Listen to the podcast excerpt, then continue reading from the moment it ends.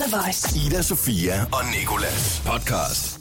Så blev den 4. juni, og øh, Ida Sofia og øh, Nicolas er lige her. Ja, er det? Nå, det er grundlovsdag i morgen, ja. Mm, det, Goddag. hvorfor siger du det? Det var fordi, jeg troede, det var, jeg har altid troet, det var 4. juni, men det er fordi, jeg tænker på Thanksgiving, okay, som er en anden 4. Hvad har du når du troede, grundlovsdag var den 4. juni? Ja. Nå, okay. Nej, det er i morgen. Der kan man bare den se. 5. Vi skal øh, i dag tale om en øh, mand, der ikke vil flytte hjemmefra. En øh, mand, der opfører sig som et pattebarn. Og derfor så skal Siri også fortælle dig, hvordan du kan få fingrene i en lejlighed, hvis du nu godt kunne tænke dig at flytte hjemmefra. Og øh, så skal vi tale om, at København er blevet kåret til at være verdens bedste noget. Du ja. Kan finde ud af hvad, hvis øh, du lytter videre i det her podcast. Og så har min far sagt til mig, at jeg er for tavlig mod dig, Nicolas. Ja, det skal vi også lige vende. Så kommer vi ind på øh, den nye tildækningslov, der træder i kraft den 1. august, som forbyder ja, tildækning af ansigtet, blandt andet burka, niqab, fake, fake skæg. Ja. Ida Sofia og Nicolas på The Voice. Forældre vinder mærkværdig retssag. Nu skal 30-årig søn flytte hjemmefra. Ja. Det handler om, øh, om en ung mand, der øh, har mistet sit arbejde, flyttet hjem til hans forældre, og så simpelthen øh, efterfølgende bare har følt sig så dejligt tilpas, at han ikke har haft lyst til at flytte ud igen. Og han gør ingenting i den husholdning der. Han hjælper ikke til på Ej. nogen måde. Så står der, det er rigtigt nok, at han øh, bare har et soveværelse, og der er han inde, og han taler ikke med forældrene. Det bruger han som argument for, at han da sagtens skal blive boende. Og øh, hans forældre de har så bedt ham om at flytte et utal af gange. Han har sagt, øh, nej tak, jeg vil gerne blive. Fordi at øh, for otte år siden, der lovede I mig, at hvis jeg en dag mister mit arbejde, så må jeg gerne bo hos jer. Der var manden så også 22 år gammel. Ja. Nu er han over 30 år, og ja. Måske så er der lige lidt øh, en anden lyd på pipen, eller hvad man siger, når man er ligesom over de 25. Jeg vil i hvert fald sige, når du er over 25 år, medmindre at der er nogle øh, særlige omstændigheder, som, øh, som gør, det kan der jo nogle gange være, at man er nødt til at bo hjemme eller et eller andet, så er det altså, øh, så er det altså ved, ved at forlade redden. Min grænse er ved samme. Men øh, jeg forestiller mig ham her, Michael som han hedder, han bare er, nu har jeg så også set billeder af ham, men sådan en stor, fed, fedtet fyr. Mere fedt i håret, end hans personlighed er, og så sidder han bare og staler pizzabakker og spiller Fortnite og venter på, Ja. at hans bumser prikker hinanden. Jeg synes hverken, han ser fed eller fedt ud på det billede, der er ham. Han er langhåret. var- Ja, han har langt hår og jakkesæt på og fine briller og sidder inde i, i retten og ligner egentlig en, der, der, der havde der, altså, Ja. der ikke sidder og spiller Fortnite, føler jeg. Men altså, Vi skal smut, lidt rollespil over ham på en eller anden måde. det er rigtigt. Ja, men Der det kan er vi bare mødes. fordi, det er langt hår, jeg har fordomme. Ja. Men Nicolas, du er selv kun lige flyttet hjemmefra, og jeg, jeg sad og tænkte over sådan... Hvad, altså, jeg føler næsten, du stadig bor lidt hjemme. Ja, ja, altså, jeg er der i hvert fald meget. Ja, ikke? Jo. Det er der utrolig meget. I, altså, det lyder også som en mors drømmescenarie, det her.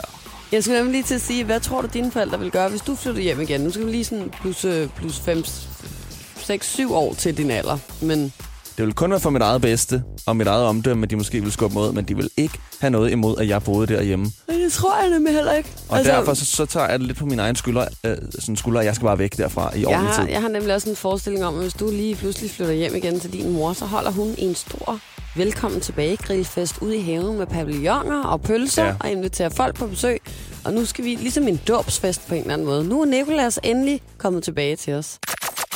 Ida, Sofia og Nikolas giver dig Siri og Sandhed. Det er pisse irriterende, når jeg siger Ida Sofia og Nikolas, og så er der ved sagt Ida Sofia og Nikolas lige bagefter. Og jeg ved godt, det bliver sagt, og alligevel så siger det sådan, at det lige bliver dobbelt op på Så- øh, vores navne. Det lyder sådan lidt for meget ananas i egen juice-agtigt. Lige blevet stålfast, og det er os, der er på i hvert fald. Men det er ikke kun os nu, det er også Siri, og hun skal fortælle, hvordan man får fat i en lejlighed. Og det er fordi, at vi tidligere på morgen her har talt om ham, den 30-årige mand fra New York, som blev sendt i trukket i retten af sine forældre, fordi han ikke gad flytte ud. Her der kommer Siri med et råd til, hvordan man får en lejlighed. Hvordan får du en lejlighed? Det gør du ikke. Medmindre du er medejer af Google. Eller har bedste forældre, der bor i en, og som er ved at græsse af. Du får heller ikke en, hvis du ikke har været skrevet op hos en boligforening, siden dine forældre blev født. Og hvis du har, står du nok stadig som nummer 1200, og skal vente på, at der kommer en lejlighed så dårlig, at 1200 personer siger nej. Selv med et godt forældrekøb i ryggen, kan du godt begynde at drømme om noget andet.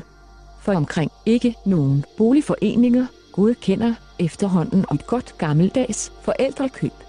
En chance er, at du leder i de mest langt væk liggende byer, du kan finde, eller køber nogle mursten og bygger en boligblok selv.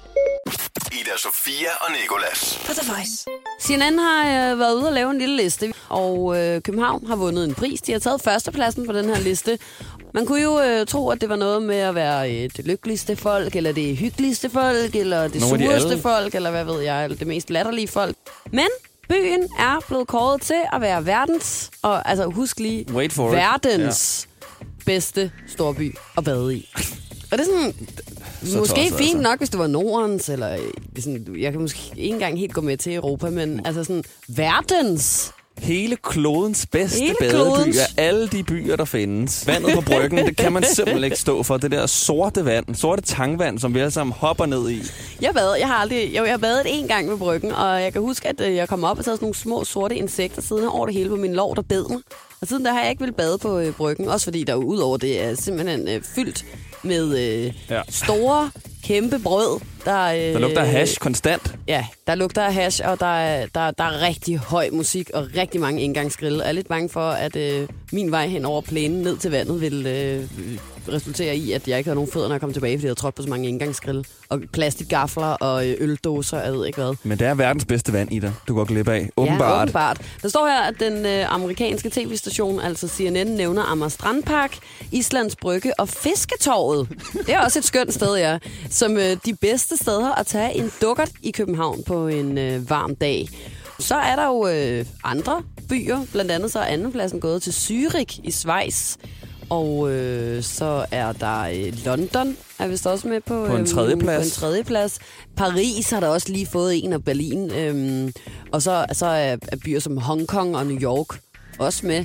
Og nu er jeg så også lige øh, Rio de Janeiro. Det, det Rio de sig lige for mig. Rio de Janeiro, ja, Ja. de er så kommet på en sidste plads. De har fået en 12. plads for at være den bedste badeby, og det er en by, der ligger ved stranden. Altså, det er en by, der simpelthen er omringet af nogle af verdens allermest kendte strande. Jeg har været der, jeg har ligget på de der strande. Jeg føler sådan lidt, det er endnu en af de der priser, som ikke rigtig fatter, hvorfor det er, vi vinder. Både ja. den der lykkeligste land, hvor vi også sådan her, why? Og så nu bedste badeby. Så er der bare sådan, jeg føler lidt som om, vi har snydt en eller anden eksamen, og nu bare går med førstepladsen. Vi har ikke fortjent den pris, vil jeg godt lige sige. Det er lækkert at bade i København, men det er ikke så lækkert.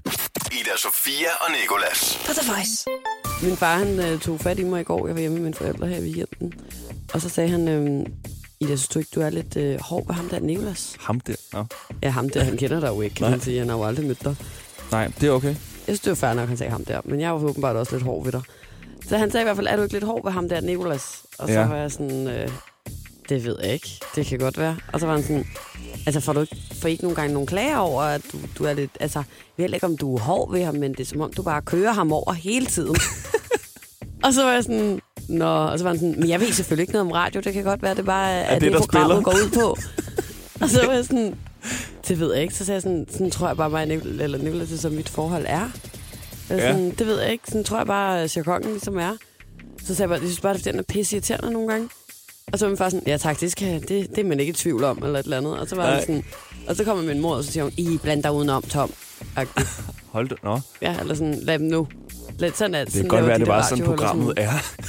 De havde jobopslag, hvor de bare søger, vi, vi søger egentlig bare kan køre over live. Så vi kan sætte sådan en sur, øh, snart 28-årig øh, pigedame til at sidde og lade alle sine frustrationer gå ud over.